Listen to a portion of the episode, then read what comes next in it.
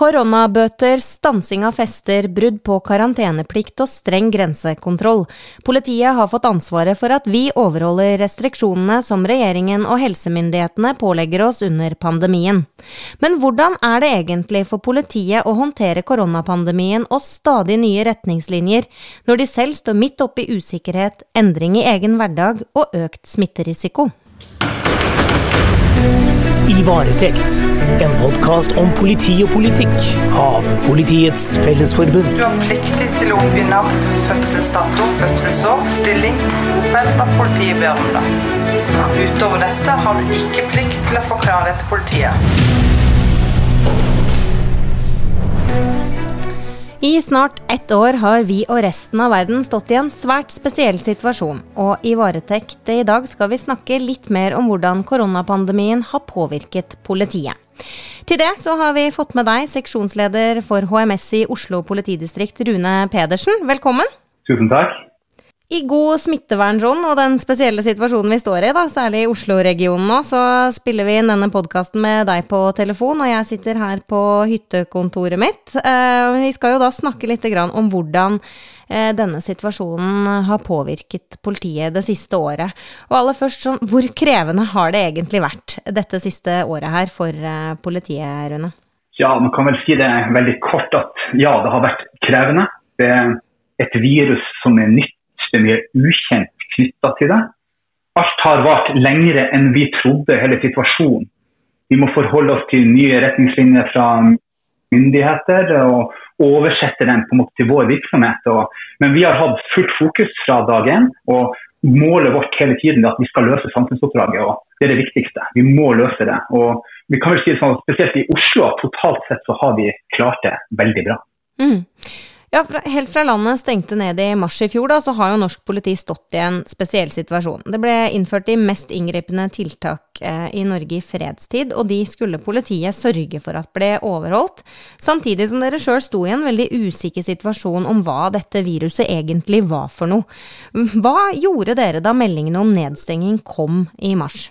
Ja, du kan si det sånn, vi var, vi var tidlig på ballen. Altså, vi, vi, bruker det femte beredskapsprinsipp på å gå hardt ut og heller skalle det ned hvis det er nødvendig. Og allerede i slutten av februar så kalte daværende visepolitimester Bjørn Vanvik meg og avsnittsleder BHT Marika Slåttbakken inn til et møte. Og hva gjør vi med det vi ser som skjer nå i Europa? Er vi rusta for det? Er vi klar for det? Og Vi satte ganske tidlig i gang å se på de rutinene og retningslinjene vi hadde. Og når si, den første lockdown kommer, så var vi allerede klar. og Politimesteren tok tidlig tak i det her. og jeg tenker Det er, liksom, det er viktig og fullstendig nødvendig i kriseledelse at politimester og øverste leder går ut og tar tak. og Hun sa at Beate Gangås at det her skal prioriteres. Vi skal løse samfunnsoppdraget.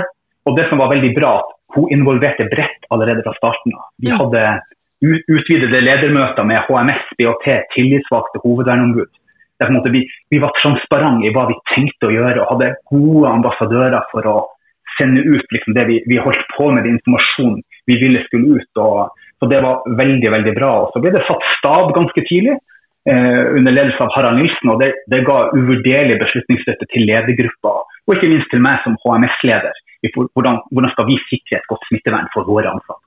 Mm. Og så eh, hadde dere jo da eh, risikovurderinger eh, blant annet. Altså, hvorfor var det spesielt viktig i den situasjonen her, både da for eh, politiets ansatte og ikke minst eh, samhandlinga ut mot innbyggerne våre? Altså, ja, I starten så var altså, det, var liksom, det var en del spørsmål knytta til viruset. Hvordan påvirker det vår oppgaveutførelse? Smitter det lett? Har vi gode nok tiltak? Mm. Og på en, risikovurdering, der, der, får vi jo frem risikofaktorer. Og de risikofaktorene vi jobba hardt med, der, det, det, som var utgangspunktet, det var jo hvilken risiko er det for å bli smitta, eventuelt havne i karantene. Og Vi vurderte sannsynligheten for at det skulle skje, og konsekvensene hvis det skulle skje. Men kanskje det viktigste her, og det som måte, har vært en sånn suksessfaktor, det er de tiltakene vi utarbeider og den var konkret. De ansatte så at de tiltakene her, de betyr noe for meg som egen person. Jeg vil føle meg tryggere i jobbene, jobben jeg gjør. Og vi, ser jo faktisk, vi, har, vi har eh, gjennomført syv overordna risikovurderinger siden starten. Og Den siste vi gjorde like før jul, da hadde vi 26 risikofaktorer som vi har risikovurdert. Og vi har risikovurdert avhørssituasjoner, bruk av treningsrom, hjemmekontor, samlinger, øvelser. Og faktisk i enkelte tilfeller så har vi risikovurdert hvordan skal du skjenke kaffe i et møte. Hvem skal gjøre det? Så ja, vi har vært på et detaljert nivå, men vi, vi så det som nødvendig, faktisk. ja, ikke sant? Ja, Det høres ut som dere har gått gjennom det aller, aller meste. Eh, for politiet ble jo tidlig pekt ut da, som en kritisk samfunnsfunksjon, og det, det var jo da veldig viktig å innføre gode tiltak for å sørge for at landet hadde best mulig beredskap, eh, også i den situasjonen vi da eh, plutselig sto i. Ja, absolutt. Og det var jo på en måte helse som fikk det største trykket. Og der var jo fokus at de skal altså, de må rustes opp til å klare det her. Men klart, vi har et samfunnsoppdrag som skal holde et trygt samfunn i gang. og Vi har jo altså, hovedstadsoppdraget her, så det var viktig at vi også hadde tiltak, hadde tilgjengelig godt nok verneutstyr. Så vi var, altså, det var fullstendig nødvendig at vi var på ballen der også. Og så har vi hatt et godt samarbeid med andre nødetater hele veien. Mm. Men frykta du noen gang at beredskapen skulle bli satt ut av spill? Nei, egentlig ikke. Man kan vel si sånn, altså, Organisasjonskulturen i Oslo politidistrikt. Vi er en beredskapsorganisasjon. Vi er kjappe på å snu oss rundt. Og vi, måte, alle, var, alle var klare at her hadde vi en felles fiende i korona. Så her, her, her, her, måtte vi liksom bare gjøre det som skulle til for å, for å lykkes med samfunnsoppdraget. Men klart, det var perioder der spesielt det kom eh, restriksjon eller eh, karantene for dem som hadde vært utenfor Norden og kom tilbake til landet med tilbakevirkende kraft. Mm. Og Da hadde vi hatt mange eh, ansatte som hadde vært ute, så da hadde vi mange i karantene. Og det er klart, Da tenkte, da tenkte vi nok at ok, hvordan kan det her påvirke vår beredskap? Men igjen, vi hadde gode beredskapsplaner og så på det altså, hva gjør vi hvis vi får så og så mye fravær eller karantene. Så Vi hadde på en måte planer hvis 10 går bort. 20, 30, 40, 50. Mm. Var, men, men, men, som totalt sett, nei, frykter ikke beredskap. Men så er jo det, mange av eh, deres ansatte jobber jo også i, i det vi kaller førstelinja, da, hvor det å, å, overholde en meter og holde avstand, som liksom var opp, den hovedoppfordringa vi fikk, det er rett og slett ikke mulig.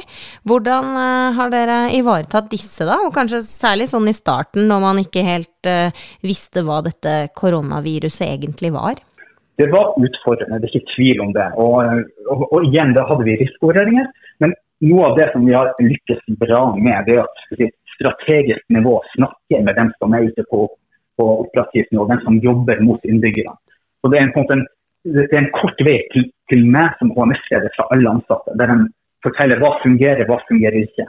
Eh, og Da justerer vi oss etter det. For I denne situasjonen her, det i forhold til det operative så er det vi ansatte som er ekspertene, og da må vi lytte til dem. Så kommer vi, vi med våre smittevernråd.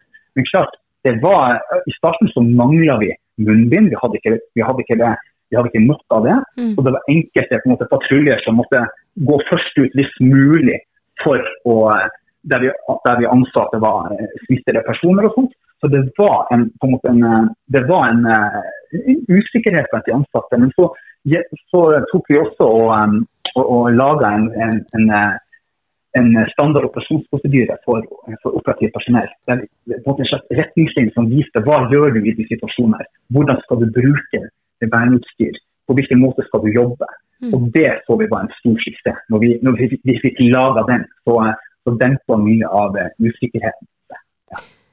Men er det mange i politiet som har vært smittet av dette viruset, da? Altså, vi går aldri ut med tall, spesielt ikke i Oslo politidistrikt, av beredskapshensyn. Men vi kan si det sånn at vi, hatt, vi, har, vi ligger langt under landsgjennomsnittet og Oslo-gjennomsnittet. Det har vi gjort til enhver tid. Så Vi har ikke hatt mange smittere. Og det som er veldig veldig bra, det er at det er ingen som er blitt smitta i tjeneste. I varetekt.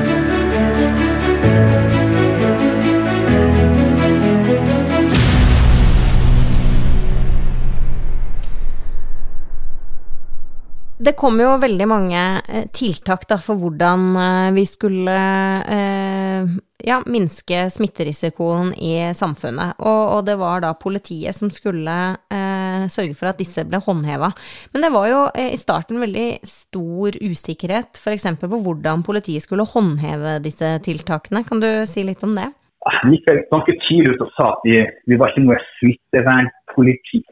Så brudd på de, de, de, de anbefalingene vi, vi gikk bevisst ut for å på en måte ta de. Så vi brukte veldig mye veiledning og rådgivning til de innbyggerne vi så brøt de reglene i staten. Det var, liksom, det var, det var den strategien vi la oss på, Mm. i, spesielt da i, i, i første del av pandemien.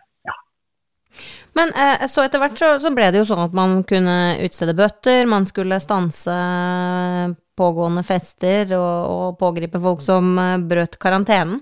Eh, hvordan har oppgaven til politiet endra seg i den eh, tida vi har stått i? Det kan si sånn at Fra mars-april, det som var interessant, det var jo da at da gikk jo kriminaliteten ned i Oslo. Mm. Det sånn at- Og så- og så de kriminelle tok en liten, var litt engstelige tydeligvis på korona og tok en liten pause i det. Ja. Så, det, så, så da gikk det ned. Og så, og så begynte det å øke igjen på på sommeren, da man slapp opp, myndighetene slapp opp litt på tiltakene. Spesielt knytta til det med fest og uteliv og sånt. Så, ja, distriktet tok skikkelig sånn tak og begynte da å bli mer håndheva. Det var i, i starten av eh, november. Da begynte liksom de fleste politidistriktene å bøtelegge ved brudd på, eh, brudd på smittevernbestemmelsene. Mm. Vi har jo flere ganger lest i media da, om fester som politiet har avbrutt, folk som har brutt karantenen og gått ut blant andre mennesker eh, til tross for at de ikke skulle det. Så hvor mange koronabøter er det politiet i Oslo har eh, skrevet ut i løpet av året som har gått? Tall fra i går viser at vi har totalt skrevet ut 420 bøter. og, og ja, 203 av dem går på karantenebrudd og brudd på den isolasjon. Og så har vi flere bøter som gir da i forhold til det med arrangement, hjemmefester og eh, brudd der restaurantene har brutt, brutt eh, smittevernreglene. Og vi så I forrige uke så var det 28 eh, bøter som ble skrevet ut, og da var det 18 som var relatert til hjemmefester. Eh, Så, og, og det var anmeldt fra flere hold. så Det er ikke, kanskje ikke helt 18 hjemmefester, men det var veldig mange hjemmefester som vi grep inn i forrige uke. Ja, så, så, så nå begynner folk rett og slett å bli skikkelig lei her. Ja, du kan vel si det sånn at altså, alle begynner å bli litt lei nå. Og det er klart, utelivet her i Oslo har jo eh, ligget bratt i lang tid. Eh, Men allikevel så ser vi det at altså, de festene der er en risiko for at det blir spredning av, eh, av viruset og sånn. Så det, det er derfor vi går hardt inn der. Altså. Vi har med samfunnet på at det er viktig å gripe inn, for nå begynner vi alle å bli lei og ønsker å gå tilbake til en normaltilstand. Mm. Men hva gjør det med de ansatte, da, når de eh, opplever eh, å, å, å måtte bryte inn blant folk som ikke er interessert i å bidra i den dugnaden som vi nå eh, er i, da, for at vi alle sammen snart skal kunne gå tilbake og leve livene våre som før igjen? Det er klart, altså, Politiansatte er profesjonelle i oppgaveutførelse. så De gjør jobben sin som de alltid gjør. ikke sant? Og, men det er klart, eh, det er nok en frustrasjon blant ansatte. For Man ser jo at det, det, som, det som det her kan føre til, er at vi må bare utvide tiden med samfunnsisolasjon. Og Det er klart, det her er jo ikke, det er jo ikke, oppdrag man liker, altså, sånn, men det, det må gjøres, og det er viktig at det blir gjort. Men hvordan eh, klarer man å opprettholde fokus da, noe som eh, mange, og sikkert også i eh, politiet, da, det er jo bare mennesker som jobber i politiet også, klar, altså begynner å bli eh, lei hele den situasjonen vi står i? Ja, man kan vel si det sånn. Altså, det inkluderer meg sjøl. Altså, det, liksom, det, det er tøffere å stå der, for vi har stått i det for lenge. og det er kontinuerlig fokus. og sånt, og i hvert fall når ting er nytt, så, måte, så det, er man motivert for mottakelse av informasjon. Da sluker man alt som kommer. Mm. Men når det har gått en stund, stund liksom, og det, du ser bare sånn nyanseforandringer i ting som skjer, så er det vanskelig å ta inn informasjon. Så det, det vi ser nå, altså, vi har, hatt, vi har hele tiden hatt et veldig godt samarbeid med kommunikasjonsavdelinga. Eh, Gode internettsider, vi har god informasjon som har blitt sendt ut i linja. Men nå, altså, det er vanskelig å nå frem til våre ansatte. Og man må på en måte, nå bruker vi mer også de eksemplene på der vi har lykkes, og ikke minst der vi har kanskje gjort ting som ikke er så bra, og vi har havnet i karantene fordi vi ikke har gjort fulgt det, men, det er liksom det vi ønsker, og det tror jeg vi har inne nå. at alle ansatte i Oslo politidistrikt skal ha basiskunnskaper i godt smittevern. Så du har den. Eh, og, og tenker, den, er, den er kjempefint. Og så, og, så, så, og så har du kontinuerlig informasjon. altså Det blir en slags overlearning. Det skal kunne mer enn det man behøver. Og sånt, og totalt så ser vi at det fungerer bra. Og igjen, eh, når vi ser at fokuset går ned, så, eh, så, måte, så er vi litt mer eh, konkret i vår informasjon ut. og Politimester går ut på intranett. Vi har lederkafeer for over 300 ledere der, der hun på en måte prediker hvor viktig det er at vi fortsetter det her smitteverntiltaket for å opprettholde samfunnsoppdraget. Så Totalt sett så går det bra, men det er naturlig at man blir, man blir litt lei av det her. Vi vil tilbake til det normale. Ikke sant. Men, men hva med deg, da, som, som uh, har som oppgave å sørge for at dette går uh, rett for seg. Hvordan klarer du å opprettholde fokus? Uh... du kan si det sånn altså det, det er 75-8% av min tid går til korona. Heldigvis så har vi en seksjon, jeg har mange medarbeidere i min seksjon, og ikke minst vi har en intern bedriftshelsetjeneste. Som, altså Marika Slåttbakken som er leder der, hun jobber eh, nesten døgnet rundt i forhold til det å kunne på en måte, eh, rettlede våre ansatte. Så det er, det er mye, men eh, altså, det er veldig meningsfullt. fordi at vi ser at det vi gjør, de rådene vi gir, det gjør at, at ansatte ikke havner i karantene. Mindre sjanse for å bli smittet. Og vi blir lytta til. og Det tenker jeg er veldig, veldig, veldig, veldig bra. HMS er på en måte nå satt på kartet. Det er ikke en noe som er ved siden av drift, er en del av driften. Og, og klart, det, Den jobben vi gjør i Oslo blir lagt merke til. og Jeg har vært med på, eh, på eh, leder, som ledersamling med nordiske hovedstadspolitimestre, der vi har diskutert hvordan vi jobber i Oslo og får innspill fra andre. Jeg har også vært seminardeltaker i i regi av FBI, der jeg snakka om hvordan vi i Oslo jobber med smittevern. Og det var veldig interessant å se hvordan de andre landene jobber, og hvordan kanskje de spesielt reagerte på både positivt og negativt på det at de involverer så bredt i, i organisasjonen. Og etter jeg hadde hatt mitt fremlegg, så fikk jeg faktisk en tekstmelding fra en høyt dekorert eh, politimann i Europa som sa at det her trengte vi. Det med at man får høre at det er viktig å involvere ansatte i utarbeidelse av retningslinjer. Så det har, det, det, har vært liksom, det har vært mye å gjøre, men utrolig spennende og utrolig meningsfullt for min jobb og for meg sjøl. Altså. Selv i perioder der man merker at nå begynner vi å lei, så ser vi at oppdraget vi har, er, er så viktig. Ja, når man ser at det på en måte blir lagt merke til at man gjør noe riktig, da, så må jo det også være med å motivere til å, å si, fortsette å, å, å jobbe Eh, med dette her, og fortsette å også motivere de andre ansatte da, til, å, til, å, stå i, det, i situasjonen? Ja, ja, absolutt. Og spesielt bedriftshelsetjenesten står, står hardt i det. og De, de har, de har jobba vanvittig bra. og de kan få, sånn som uh, Marika Slåttbakken, hun, hun, hun, hun, har fått telefoner der ansatte står på utsiden av politihuset og lurer på er jeg frisk nok til å kunne jobbe. Mm. Så, så Hun gir en live rådgivning som har ført til at kanskje det har unngått at vi har fått smitte inn på huset. Så vi, vi, hadde en sånn lite sånn regnestykke altså i høst. og vi, vi, tror nok at vel, spesielt de rådene som BAT kommer med, har, har, gjort at vi har spart altså, årsverk i karantene. og ja, så det, det, er veldig viktig. Så ser vi også det, det viktige samarbeidet vi har med HR også. For det kommer jo veldig mye spørsmål til administrative ting. Det er arbeidsrett. Så det, det er et sånn uvurderlig samarbeid mellom HR, HMS og BHT som i, i vår stab er bare gjør oss bedre, tenker jeg, på, på sikt. Mm.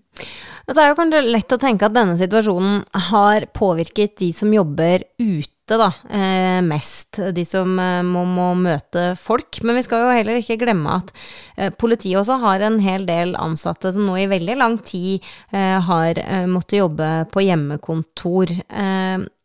Eh, hvordan har dere ivaretatt uh, disse? Det er jo det er mange av oss da, som uh, må jobbe på hjemmekontor eh, rundt i landet, men, men, dere har jo i politiet en del spesielle uh, oppgaver da, som kanskje vanskeliggjør situasjonen mer? Ja, altså denne hjemmekontoret var jo nesten ikke ukjent for oss, men kanskje for mange virksomheter så var det ikke så mye brukt. og klart, det har fungert totalt sett veldig bra, men vi ser jo at altså, for å løse samfunnsoppdraget så må jo vi ha enkelte ansatte må være på jobb. De må være fysisk til stede. Patruljene må være til stede. Og, men vi har jo en policy der kan du gjøre arbeidet hjemmefra, så skal du gjøre det. Altså, hvis du ikke må være på jobb, så skal du jobbe hjemmefra. Og Det, er, måte, det, jeg, det er viktig sånn, samfunnsmessig også at vi følger de reglene som er gjort der. Men vi ser jo nå at, eh, at det er enkelte ansatte som sliter med å være hjemme. Mm. Så det, eh, Jobben og privatlivet går inn i hverandre hvis du er helt alene, den ensomhetsfølelsen, Så det her er en sånn, altså, Vi vil jo gjennomføre nå en eh, vi har allerede gjennomført risikovurdering knyttet til hjemmekontor og kommet med en del tiltak. Men vi vil også nå gjennomføre en risikovurdering som ser på det psykososiale arbeidsmiljøet. Eh, på, ja, eh, så Det tror jeg også blir viktig for tiltak. og sånt. Men det er klart vi, vi har tiltak allerede nå som vi jobber med knyttet til det. Mm. Og også hvis man sitter og jobber f.eks. med etterforskning av litt tøffe saker, da, så er det jo viktig å ha gode kollegaer og på en måte lufte tanker og, og følelser med. Absolutt. Det, det, er kjempeviktig. og Man mister jo litt av den derre altså, Det faglige fungerer jo godt over video, men du mister de herre det, som går på mer å snakke om andre ting enn jobben også, som er en del av arbeidslivet. Mm. Og, og, jeg tenker at den, den, er kjempeviktig at man har den. og uh, det at alle, alle, mennesker har jo et behov for å bli sett og hørt og verdsatt og inkludert. Og det kan være vanskelig nå, så vi er jo veldig opptatt av at ledere på en måte tar den ekstra telefonen. Følger tettere opp for å på en måte, sikre at de ansatte har det så bra man kan ha det. Så skjer det jo at mange på en måte eh, altså, ikke fungerer der. og Da har vi jo eh, bedriftstjenesten som man kan snakke med. Kan, vi har psykolog som man kan bruke. Så vi, vi, prøver å fange opp. Men det er ikke bestandig så lett. Altså. Men eh, igjen, vi har fokus på det også. Så, ja det er veldig veldig viktig. og jeg tror Det blir, det blir ekstremt viktig fremover hvis det viser seg at det her fortsetter og fortsetter og fortsetter med situasjonen med korona. Mm. Og så er det jo eh, sånn at når eh, man som etat eh, får nye oppgaver, da, sånn som politiet har fått, så må jo det gå på bekostning av noe. Hva er det som har vært skadelidende under eh, pandemien? Ja, du kan si det sånn at vi, vi stengte jo ned en del publikumsmottak i staten. Og vi tror nok at det kan at, altså det at det var litt vanskelig å, å nå oss, er en del mørketall knyttet til det med vold i nære relasjoner, vold mot barn, overgrep. At det på en måte dessverre kunne vært påvirka, selv om vi hadde nettpatruljer og sosiale medier der vi gikk ut og sa hvordan man kunne på en måte nå politiet. Så ser vi også en, en, en del straffesaker, det er noe restanse knytta til det. Saker som skal for retten. Så det har, vært, det det har vært noe som har blitt litt satt på vent. Spesielt med, i starten så det var jo mangel på digitalt utstyr. og sånt, Og Etter hvert så kunne man jo gjøre flere og flere avhør digitalt. Og det å ha møter digitalt, og det har gjort det veldig mye lettere. det. Så, men noe restanser har vi. Totalt sett så, så, har vi på en måte kommet godt ut av det. Men det har vært stor belastning på enkelte medarbeidere. Mm.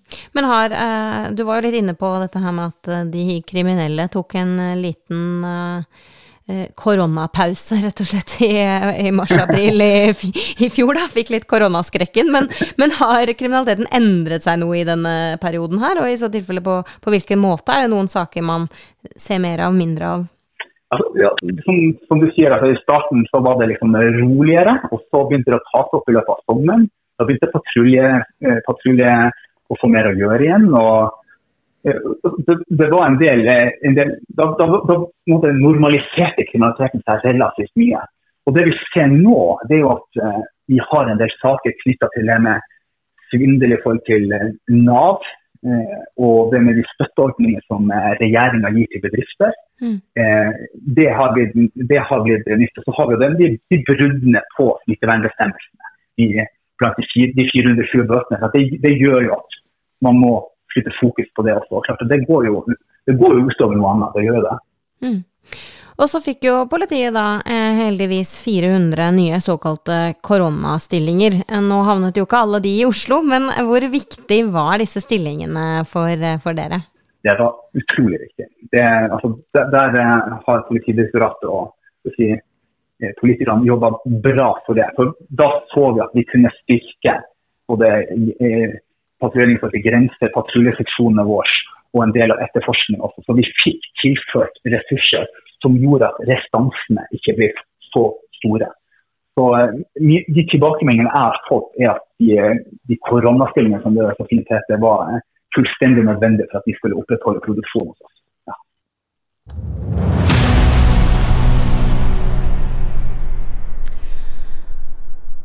Nå er jo Oslo eh, i en spesiell situasjon. Man har stått i en mer eller mindre sosial nedstenging eh, siden starten av eh, november. Altså, hvor utfordrende er det når strenge tiltak varer så lenge som det de har gjort eh, nå? det er utfordrende på flere plan. Altså, det er jo for, for samfunnet og for innbyggerne er det det vi har snakket litt om, den, den, altså, den trøttheten og det at man blir lei av å følge de, de restriksjonene som er. Mm. Det, er kanskje den, det er kanskje den hovedtingen som på en måte vi ser er, er og internt hos oss er det også snakk om det med at vi må opprettholde den basis smittevernkompetansen vi har, og ikke glippe på det, for å si det sånn. Mm. Det tenker jeg er ja, viktige ting.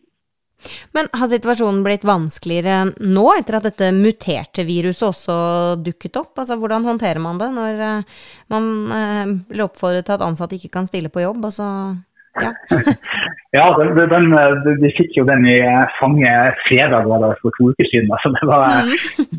da, da, da, blåste det opp i media, og, sånt, og da ble det jo jobbing hele helga. Og igjen det der gode samarbeidet internt i distriktet, der vi slo sammen kloke hoder og risikovurderte faktisk i løpet av helga å komme ut med tiltak allerede da. Og, altså, det, det var, den, var, den, var, krevende. for det med det muterte viruset det var igjen mye ukjent knytta til det. Mm. Men igjen, hos oss, samfunnskritisk. Vi skal lykkes med samfunnsoppdraget. Så vi, vi, vi, vi kjørte nesten på samme nivå. Så dem som må spille på jobb, gjør det. Kan du ha hjemmekontor, så, så gjør vi det. Men igjen, vi, vi, vi, føler og vi vet at vi har så ekstremt gode tiltak at det, risikoen det, Vi har jo alltid en risiko, men den er ikke så høy. Så vi, eh, vi, var, vi var, ganske enstemmige der at vi, eh, vi, kjører omtrent som før, og det har gått veldig bra. Veldig. Mm. Men det er jo nå flere andre distrikt enn eh, Oslo som opplever en total lockdown. Så har dere nå da noen erfaring som dere kan dele med andre politidistrikt? Ja, absolutt. Og vi har jo HMS-ledermøter, det er jo nasjonale ledermøter og sånt. Så, og vi er jo internt veldig transparente i alt vi gjør. Og det er vi også for de andre. Så klart, det, her, kan, her trenger man ikke å finne opp kruttet på nytt. Og vi deler jo risikovurderinger vi gjør med andre.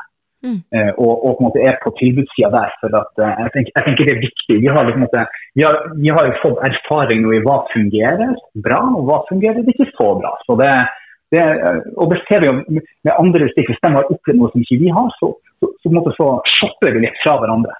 Fordi at uh, vi, vi, Sammen blir vi sterkere. så det, det, det, Sånn er det faktisk. ja. Mm i varetekt. Du har rett til å få en ren madrass og tepper hvis du må tilbringe natten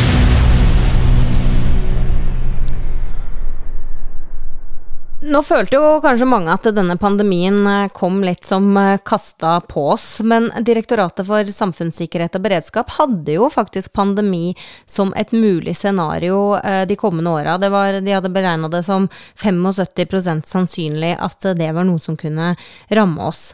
Men hadde samfunnet tatt det her tilstrekkelig inn over seg, eller tenker du at Beredskaps-Norge var tilstrekkelig forberedt? Et veldig godt spørsmål. Eh, kanskje litt vanskelig å svare på, men altså, vi var nok forberedt på at det skulle komme en pandemi. Det, det er ikke tvil om det, vi har planverk for det. Men det jeg tror vi ikke var så forberedt på, det er på en måte omfanget, usikkerheten og langvarigheten rundt det her. Mm. Det, det, ja, liksom, det, var noe som var, eh, som var, helt annerledes enn vi hadde forestilt oss. Og, og det kan nok se ut til at vi ikke hadde gode nok lager med verneutstyr. Spesielt munnbind. Det var jo en stor mangel på i starten. Så, så vi, var, vi, var, klar for pandemien, men ikke på alle plan. Og så er det sånn, Politiet har jo beredskapsplanverk og smittevernveileder og slike ting eh, eh, alltid, da. Men, men, var dere da eh, bedre rusta enn mange andre instanser, vil du si?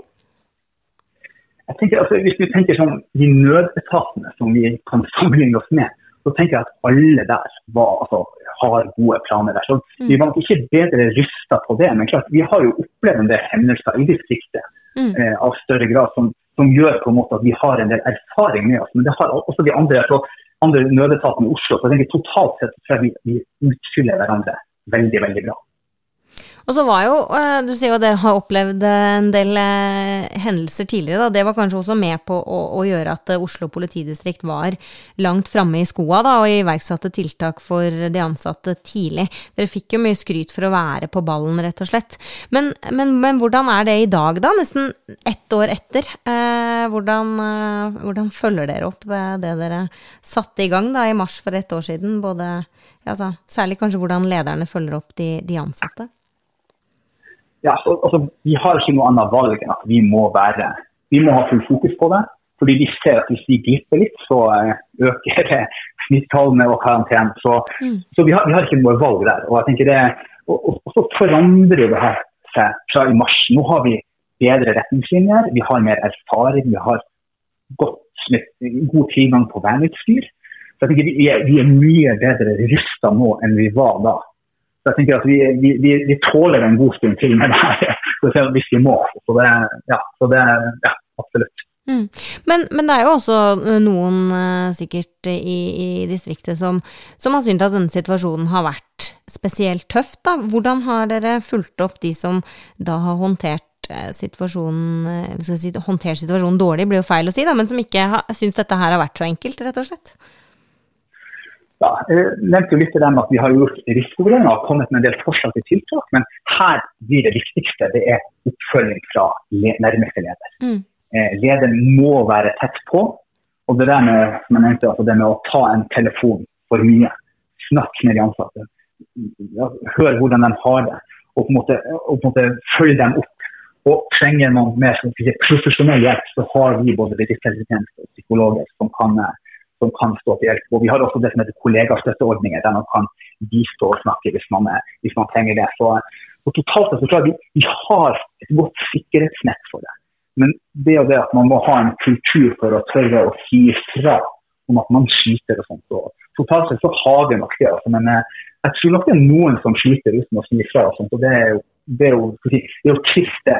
Men jeg mener at man, hvis vi klarer å få det her som det bør være, så skal vi klare å ta vare på ansatte. Det blir et fullt forsvarlig arbeidsmiljø, selv om man sitter hjemme. Mm, så de som syns det er vanskelig, må, må, må, rett og slett si fra, for man har, man har, muligheter til å få fulgt opp på en god måte? Absolutt, absolutt, absolutt. Mm. Men har du noen tanker da om hvor lenge dere som distrikt eh, må ha fokus på dette med korona? Ja, det er et eh, et godt spørsmål. Tusenkronersspørsmålet? det, det er tusenkronersspørsmålet. Hvis du har et bedre svar enn meg, så vil jeg gjerne vite det. Altså, det, det altså, vi, vi, tror nok, altså, det har jo veldig mye med vaksinering å gjøre. Mm. Det har jo med hvordan smittetallene i samfunnet er. Det ser jo ganske bra ut nå, men vi har jo de ukjente faktorene knytta til, til, muterte virus som igjen kan forandre seg. Mitt eh, kvalifiserte gjetning er nok det at vi vil ha fullt fokus, spesielt frem mot sommer. Mm. Så håper ja, og, så er det så tror man kanskje at vi, det blir gradvis nedskalering utover høsten. Eh, men så, må vi, så vet vi ikke hvordan, hvordan forandrer viruset seg over tid. I fjor så vi at smitten gikk ned på sommeren. Sannsynlig, sannsynligvis vil vi gjøre det i år også, men hva skjer til høsten? Så vi, vi, vi, vil nok ikke legge det her helt bort. Vi vil ha fokus på det. og Vi har et uh, veldig bra arbeidsmiljøutvalg som følger det her tett og monitorere situasjonen. Så, uh, så, og, så, så, har vi et veldig godt samarbeid med bydelsoverleger, smittevernoverleger, FHI og Helsedirektoratet. Så vi har på en måte, Bedriftshelsetjenesten er med så å si daglig kontakt der. så sånn Vi følger jo myndighetsråd, men vi må jo oversette det til vår virkelighet og eh, se på hvordan påvirker det vår tjeneste. Så, eh, vi, vi, vi, slipper ikke fokus, men jeg håper og tror at på slutten av året kan vi begynne å tenke på litt andre ting enn korona. Ja, det håper jeg også. Men så er det jo sånn at eh, denne situasjonen, nå har det gått et år. Eh, vi har jo lært masse også, da, hvis vi skal prøve å, å se litt eh, positivt på den situasjonen vi nå har gått igjennom og fortsatt står i. Hva har vært det viktigste for deg, og hva tror du har vært det viktigste for de ansatte, sånn av, av lærdom av denne situasjonen? Ja, kan skal jeg si der, altså det vi har i hvert fall vist at vi kan stå i en krise over tid. Mm. Det har vi gjort. Vi har sett at digitale løsninger fungerer, kanskje bedre enn vi trodde. Hjemmekontor totalt sett fungerer bra, selv om vi har vært inne på mye av de svakhetene med det. vi har fått risikovurdering til å bli en naturlig del av måten vi jobber på. Det er veldig bra. Og så ser vi at liksom den, den verdikjeden fra ansatte som møter innbyggere, helt opp til politimester, den er gjennomprofesjonell. Og det er på en måte det er lett å, å, å, frakte beskjeder. Eller, altså, det at man, man, man, lytter til hverandre. og det at ansatte blir hørt, og at de ser at de, de kan være med å påvirke de retningslinjene som er. Så jeg tenker det, det, det, er mye bra her. og Vi ser også at si, linja fungerer totalt sett bra. Uh, og, og, og ja, jeg tenker at Vi ser at vi kan samarbeide veldig bra på tvers i hele distriktet. Og det tror, jeg, altså, det, det, tror jeg vi vil få synergier for etter det her er over også. Nå kjenner vi hverandre bedre, vi har bedre virksomhetsforståelse for hverandre. Så jeg tenker det, det er totalt sett mye bra som kommer ut av det i et sånt læringssynspunkt. det tenker jeg. Så, men du tenker at dette eh, vil endre noe av måten man jobber på, også etter at pandemien er over? Absolutt. Absolutt. Eh, digitale løsninger, eh, hvor er det, og det med hjemmekontor er to, av, to, to, to spesielt viktige ting der. Og, og vi ser at vi, altså, vi, blir flinkere til det vi kaller for kontinuerlig forbedring. Forbedre våre prosesser. alt det der. Så, så totalt sett så føler jeg at det ser, det ser lovende ut. det gjør det. Ja, ja det, det, er bra at det kommer noe positivt også ut av denne vanskelige situasjonen. Tusen takk for at eh, du ville være gjest hos oss og snakke litt om det dere har stått i og fortsatt står i, og, og lykke til eh, videre med det viktige arbeidet. Tusen takk. Hyggelig å være gjest. I varetekt, en podkast om politi og politikk av Politiets Fellesforbund.